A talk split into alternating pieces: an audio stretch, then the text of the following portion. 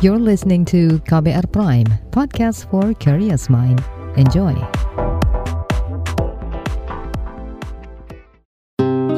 Rian ini sejauh ini cukup banyak bahkan data yang ada saat ini sudah memiliki sekitar 1000 kontributor ya di seluruh Indonesia sehingga karya yang masuk ini menjadi benar-benar penuh karya dan penuh warna anak-anak muda ini. Disko, diskusi psikologi. Halo Warriors, selamat datang kembali di podcast Disco Diskusi Psikologi Persembahan Into the Light Indonesia. Hapus stigma, peduli sesama, sayangi jiwa. Aku Naomi Liandra. Aku Kevin. Kita balik lagi. Apa kabar Warriors hari ini? Mudah-mudahan sehat terus ya. Amin, amin. By the way, by the way, Naomi gue mau nanya nih. Mhm. Lo punya hobi gak sih? Ya pasti punya dong. Apa tuh kalau boleh tahu? Kalau gue punya hobi baru selama PSBB ini adalah masak. Oh, iya iya iya iya. Itu iya. benar-benar eh, lumayan eh, spend waktu yang banyak juga dan Hmm. jadi banyak menu-menu makanan baru juga yang aku dapetin gitu. Dan Kalau. Kevin sendiri gimana? Oh, kalau aku em, sebenarnya udah hobi lama itu suka main musik. Oh, pemusik. Ih, nggak pemusik sih, cuma bisa doang. Terus pe- eh, pengen tuh sebenarnya eh, pengen punya cita-cita musik aku didengar sama orang yang lebih luas lagi gitu. Oh, jadi bukan cuma Kevin yang nikmati Iya, sendiri, semua juga bisa bener. tahu kalau Kevin Iya. ini jago loh main musik gitu ya. Eh, eh, betul. Nah, kalau Kevin suka banget main musik, terus juga kepingin banget karyanya Kevin ini dilihat sama banyak orang, Mm, kenapa nggak upload di Rean aja? apa tuh Ren? Rean itu website, jadi untuk ngupload karya anak-anak generasi milenial kayak desain gitu, terus juga bisa bentuknya tulisan artikel, fotografi juga bisa, buat video sama main musik pas banget kan? Oh, oke oke oke. Hmm, betul. Nah, kebetulan banget nih di podcast Disco kali ini kita bakal ngebahas seputar olah potensi diri di rumah edukasi. Dan di sini kita udah kedatangan Bapak Dr. Andes Anjan Pramuka Putra selaku Deputi Bidang Pencegahan BNN. Halo Pak Anjan. Apa kabar? Assalamualaikum. Waalaikumsalam. Apa kabar Pak? Alhamdulillah sehat. Alhamdulillah. Nah, Pak, dari tadi kita sedikit eh, ngobrolin beberapa hal gitu ya. Kalau Kevin hobinya bermusik, Mm-mm. terus juga kalau aku ini hobi terbarunya adalah memasak. Walaupun masak sambil nyanyi juga, Pak, ada hubungannya sama musik ya. Tapi kalau eh, kita boleh tahu sedikit nih, Pak, agak kepo. Bapak sendiri hobinya apa nih, Pak? Kalau saya olahraga juga ya. Olahraga. Oke. Ya, olahraga sama traveling. Traveling. Oh iya, sama saya juga. Tapi lagi nggak bisa Pak ya. Belum bisa. PSBB. istirahat dulu untuk traveling ya. Nah Pak, tadi kan udah sempat disinggung sedikit tuh Pak tentang rumah edukasi atau yang tadi dibahas juga ada Rean, rumah edukasi anti narkoba. Sebenarnya apa aja sih Pak isi di dalam Rean itu? Baik, jadi rekan-rekan apa warrior ya atau Iya, para rekan-rekan milenial. Jadi perlu saya sampaikan di sini bahwa pencegahan masalah narkoba ini sekarang tidak hanya bisa diserahkan kepada Badan Narkotika Nasional Republik Indonesia atau diserahkan kepada Polri saja, tidak.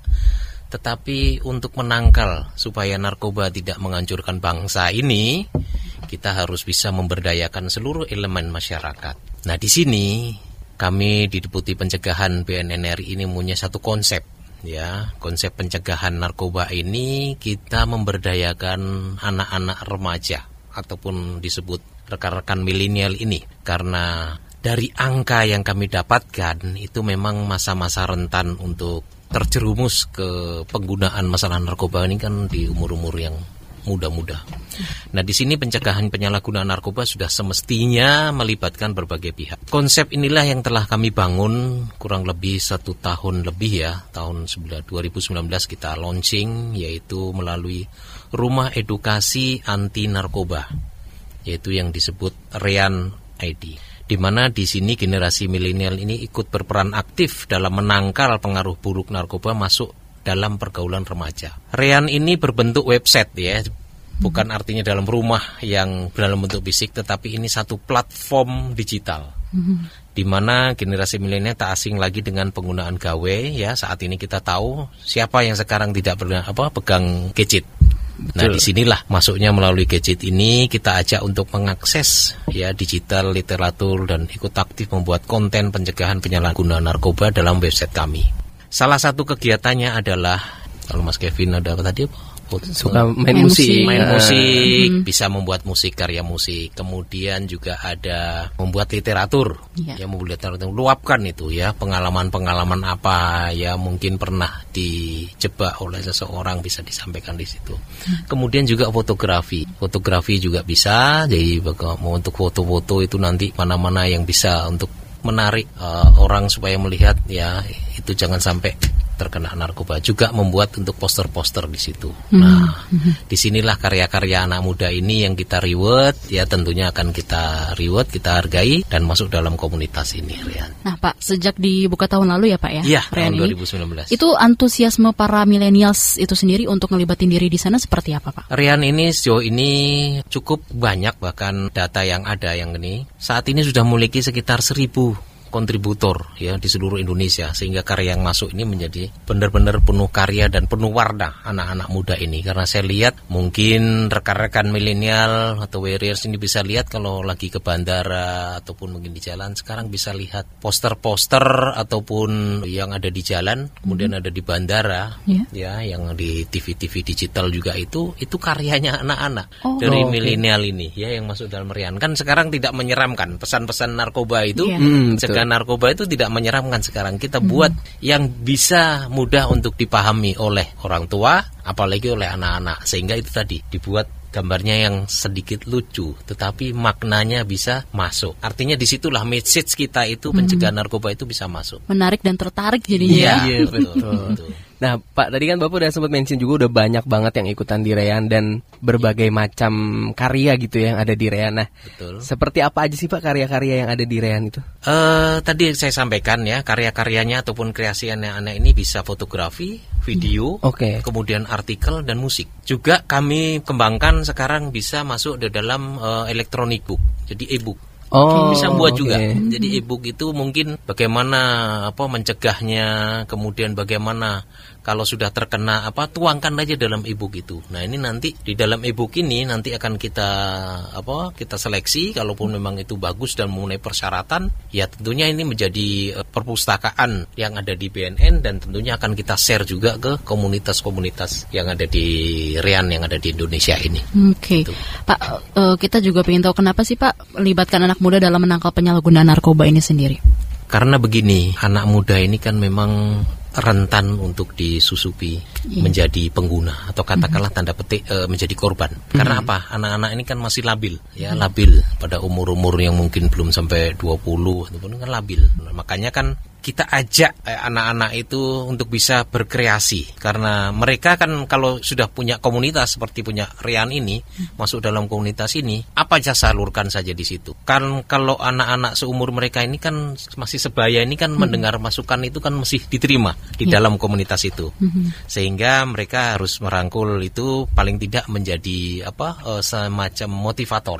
Jangan sampai kalaupun bergaul bergaullah yang benar Nah di situ kan mereka itu punya komunitas. Dan alhamdulillah kemarin selama COVID ini juga kami juga tetap berbuat untuk anak-anak ini kita ajak mereka jangan sampai nanti mereka selama PSBB malah dia Larinya ke sana. keluyuran akhirnya tidak ini Iya. akhirnya malah terjerumus di sana. Mereka masuk dalam komunitas ini bahkan kita mengadakan beberapa kegiatan lomba poster segala dan alhamdulillah Rian yang ada di Jawa Tengah kemarin sudah membuat satu produk yang cukup unik ya. Poster-posternya bagus-bagus dan itu kita reward ya, kita berikan penghargaan. Luar biasa. gitu. Tapi kalau boleh tahu nih Pak, dari yang mengikuti Rian itu usia paling mudanya berapa Pak? Eh, di sini usia yang paling muda ini ada 15 tahun sudah masuk. 15 Iya, tahun. 15 tahun Wow, sudah masuk. cool. Hmm. Ya, boleh SMP, SMA, yang kuliah itu juga bisa. Oke, nah Pak, sebenarnya seberapa seberapa berpengaruh sih Pak atau seberapa potensi dan kekuatan anak-anak muda ini untuk mempengaruhi lingkungannya supaya hidup sehat tanpa narkoba tuh? Pak? Tadi yang saya bilang, jadi kalau komunitasnya itu sudah positif, Mm-mm. artinya kan mereka juga pasti akan Ikut berbuat positif yang positif juga, juga. iya. Ya.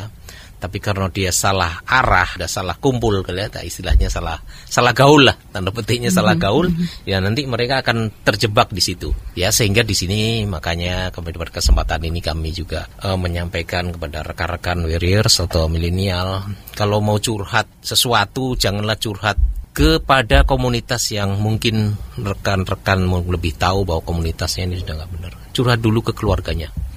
Ya, kalau keluarganya ini kan mungkin bisa ditampung, bisa di ini. Jangan sampai nanti curhatnya ke temen yang Menjerumuskan. apa, menjerumuskan akhirnya dia masuk dalam komunitas itu. Karena sekali terkena atau sekali mencoba narkoba itu tidak ada ampun, mungkin susah untuk kembali normal. Ya, sama dengan orang kalau sudah kena COVID, Iya. itu untuk normal itu ya Perlu mungkin perlu waktu itu juga. Itu. Oke nih Pak, kita udah ada beberapa pertanyaan nih Pak dari followers atau warriors yang udah komen di Instagram kita. Langsung aja kali ya Pak ya. Di pertama ada dari RAFFLL underscore nih. Apakah rumah edukasi BNN dapat menjadi wadah untuk mengembangkan kreativitas remaja?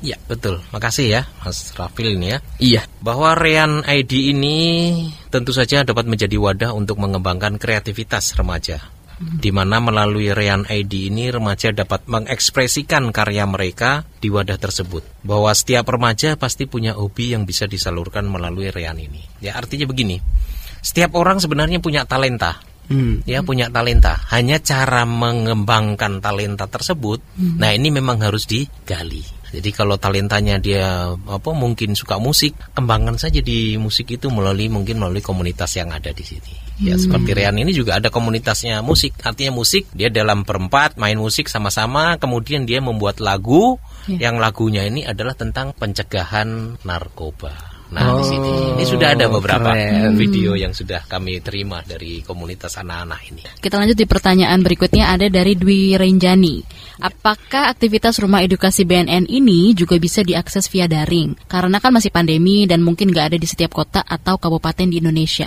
Lalu kalau ada pelayanannya itu dari jam berapa? Gimana nih Pak? Ya, jadi begini, eh, saya sampaikan ya Mbak Dwi Renjani bahwa rumah edukasi anti narkoba atau Rian ini bukan merupakan eh, rumah dalam bentuk fisik, tetapi Rian ID adalah merupakan platform ya, platform digital yang dapat diakses via daring oleh siapa saja, di mana saja dan kapan saja. Hmm. Jadi kalau ada rekan-rekan milenial yang mungkin ada di Papua, kemudian ada yang di NTB, NTB, itu masuk aja ke platform tersebut di sini. Rian ID ini kami kembangkan untuk memudahkan remaja Indonesia dalam mengakses informasi bahaya penyalahgunaan narkoba. Di mana Rian ID ini juga kami buat agar anak muda dapat turut mengkampanyekan bahaya penyalahgunaan narkoba melalui karyanya masing-masing. Nah, ini perlu saya sedikit ceritakan bahwa nama Rian ID ini juga bukan given dari kami. Oke. Bukan, tidak. Tetapi nama ini pada saat kami akan membentuk eh, membuat platform digital ini, waktu itu ada lima nama yang kita lemparkan kepada komunitas anak-anak muda. Jadi di polling. Oh, pak- eh, Iya. berdasarkan polling ya? Iya, berdasarkan polling ya. Ada rumah Edan waktu itu juga rumah Edan. Nah, akhirnya dari polling itu tersebutlah nama Rian ini. Oh, Oke. Yaitu singkatan rumah edukasi anti narkoba.id di sini. Ya, jadi kita polling, jadi bukan given dari kita. Sekali lagi karena kita memang mengharapkan masukan-masukan dari eh, rekan-rekan milenial ini. Tapi sebelumnya nih Pak, kalau mau ikut bergabung di Rean, Ya. itu apa ada seperti semacam audisinya kah? Atau memang langsung bisa bergabung dengan syarat tertentu? Atau perlu daftar dulu gimana tuh Pak? Oh iya, tidak ada. Silakan. Kalau Feel sudah free ya? free. Silakan saja. ya, silakan saja. Jadi misalnya ini anak milenial ini atau rekan milenial ini ada di mana? Ada di Bandung, Hmm. kemudian ada di Sulawesi, ada anu masuk saja ke eh, platform yang sudah ada di kami nanti dan itu tidak bisa, tidak usah apa? Berdasarkan eh, audisi. Tidak ada, tidak ada. Langsung saja. Wow, Ya. itu bisa banget tuh. Ya, Jadi wadah banget ya Ya. buat Yes. nyampein karya kita. Oke, next nih Pak, pertanyaan berikutnya ada dari Mutia WRD. Ya. Siapa sajakah sasaran rumah edukasi BNN ini? Apakah BNN akan menjemput bola dengan mendekati komunitas remaja? Kegiatan apa saja yang disediakan rumah edukasi BNN? Ya, terima kasih Pak Mutia. Jadi sasaran kita adalah tadi dari awal ini adalah generasi muda. Ya, generasi muda yaitu generasi milenial dan generasi Z. Ya, kalau saya mungkin generasi apa itu? Booming apa, Bu? Baby boomer. Boomer. Saya, nah, tapi saya juga eh, bisa mengikutin ya gerakan ini ya apa yang dimauin. Jadi saat launching tahun 2019 kemarin yaitu sekitar bulan Oktober atau November itu ya, Mm-mm. itu kita launching di Kota Bandung ya yang di mana di Kota Bandung itu kebetulan Bapak Gubernur Jawa Barat juga ikut meluncing bersama Kepala BNN RI pada saat itu karena oke. kebetulan dalam satu acara tersebut ya eh, Jawa Barat ada mengadakan acara sehingga kita gabungkan di situ. Jadi di launchingnya oleh Bapak Kepala BNN RI yaitu Komjen Heruwinarko beserta Bapak Gubernur Jawa Barat pada saat itu. Dan seminggu kemudian kemudian kita launching di Malang. Ya jadi sudah Bandung dan Malang kita sudah menggandeng komunitas anak remaja bahkan selama masa pandemi kami juga sudah bekerja sama dengan adanya satu komunitas yaitu Sobat Cyber Indonesia Oh, Sobat Iya. Cyber se Ah, Indonesia. Iya, Oke. Sobat Cyber Indone- Indonesia. Di sini kita gandeng mereka untuk sama-sama ya di mana ke depannya kami membuat rean community di seluruh Indonesia. Jadi nanti kalau sudah banyak ini kemudian kita akan membentuk rean community nantinya Oh, di. Indonesia ini dan membuat aktivitas online serta offline di sini. Oke. Jadi selain membuat konten di Rian, kami akan membuat workshop dalam mengembangkan kemampuan anak muda supaya menjadi lebih baik lagi nantinya. Iya. Ya. Tapi Pak, kalau untuk karya yang dihasilkan di dalam Rean Rumah Edukasi Anti Narkoba ini sendiri, itu karya yang paling banyak dihasilkan dan paling menarik tuh apa tuh Pak? Selama yang Bapak lihat sampai saat ini. Sejak di launching kemarin, kebetulan dari karyanya yang cukup banyak ya, Iya. itu adalah eh, membuat poster. Poster. Iya, poster-poster yang betul-betul apa ya, milenial. Mhm. Jadi gambarnya memang dia punya lucu, tapi message-nya masuk. Oke. Ya, message-nya masuk itu.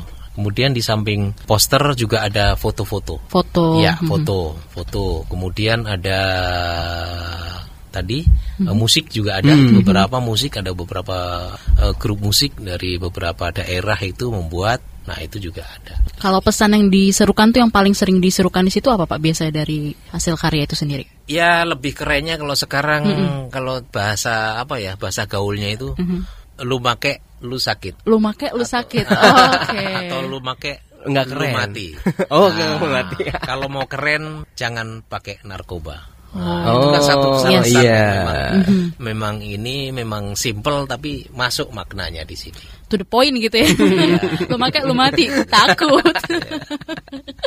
By the way Pak, eh, saya mau nanya sedikit nih Pak kan tadi Bapak udah eh, sempat mention bahwa sebenarnya lingkungan anak muda tuh kan berpengaruh banget ya untuk apakah nanti si anak mudanya ini membawa pergaulan yang positif atau negatif. Nah sebenarnya sulit nggak sih Pak untuk menangkal narkoba dari anak muda? Baik, jadi mm, menangkal apa narkoba di lingkungan anak muda ini ya tentunya tadi kita harapkan kepada anak-anak muda ya kalau sekali lagi yang paling mendasar ini sebenarnya mereka ini ada satu apa satu curhatan yang tidak pas mereka itu mungkin punya masalah Hmm. tetapi masalah itu tidak disampaikan mungkin melalui keluarganya atau mungkin masalah keluarga tapi dia maluin. Kemudian karena kebuntuan kebuntuan daripada dia cari sana cari sini, akhirnya dapatlah teman yang maaf.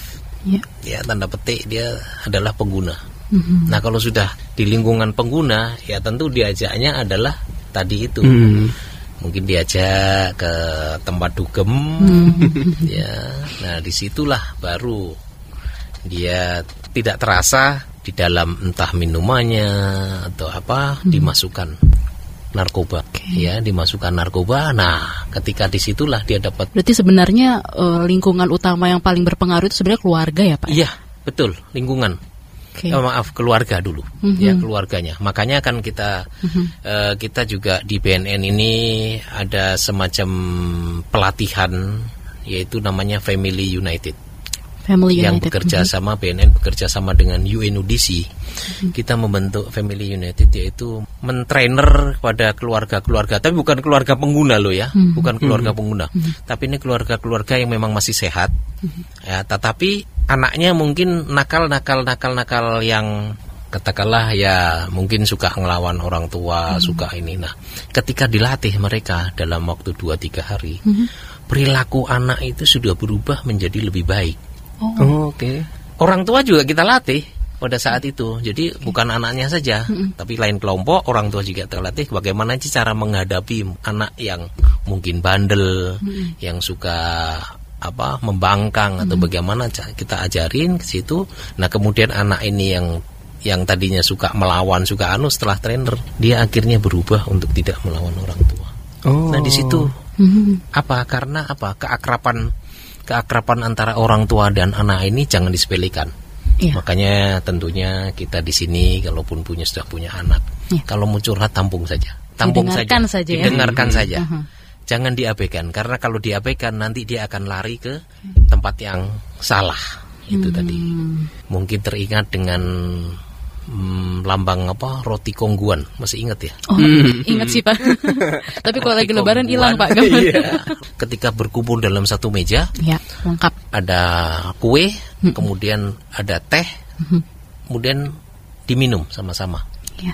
Ada obrolan, Mhm. ada obrolan. Tapi sekarang yang dipegang bukan roti, tetapi HP. yang dipegang adalah gadget. nah, gadget inilah dalam satu meja sudah tidak ada komunikasi.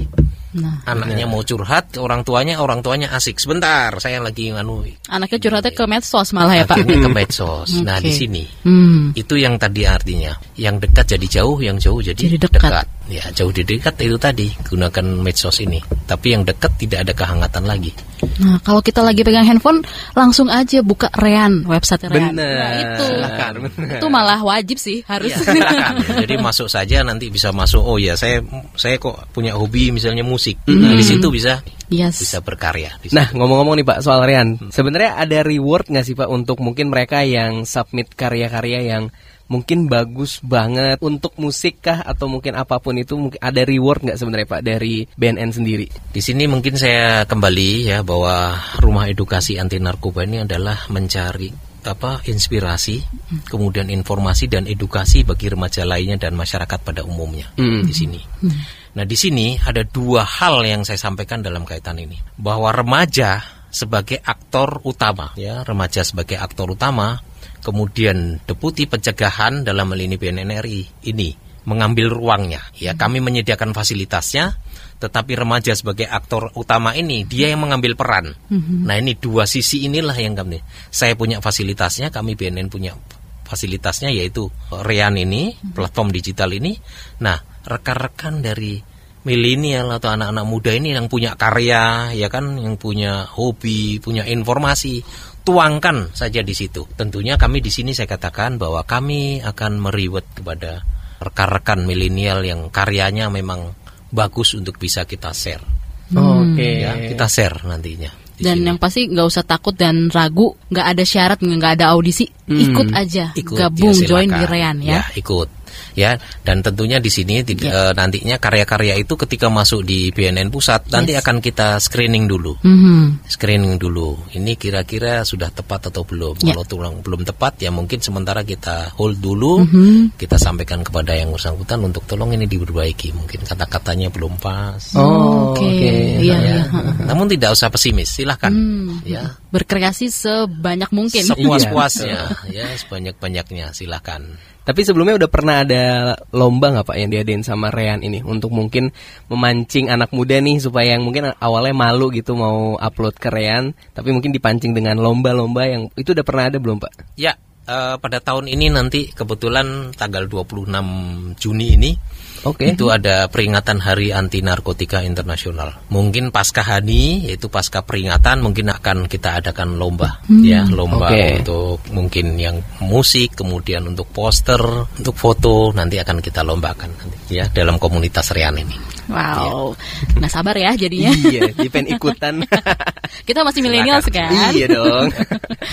Nah, Warriors dari perbincangan barusan dengan Bapak Anjan, kita jadi tahu ya kalau rumah edukasi anti narkoba ini, kita sebagai generasi milenial bisa ikut berperan aktif dalam menangkal pengaruh buruk narkoba untuk masuk dalam pergaulan remaja. Dan rumah edukasi anti narkoba ini juga bentuknya website, bukan rumah ya, harus diingat. Bentuknya website. Jadi kita sebagai generasi milenial yang nggak asing sama eh, penggunaan gadget dan lain sebagainya, kita bisa untuk mengakses digital literatur, terus juga ikut aktif ngebuat konten pencegahan penyalahgunaan narkoba ke website Rayan itu sendiri.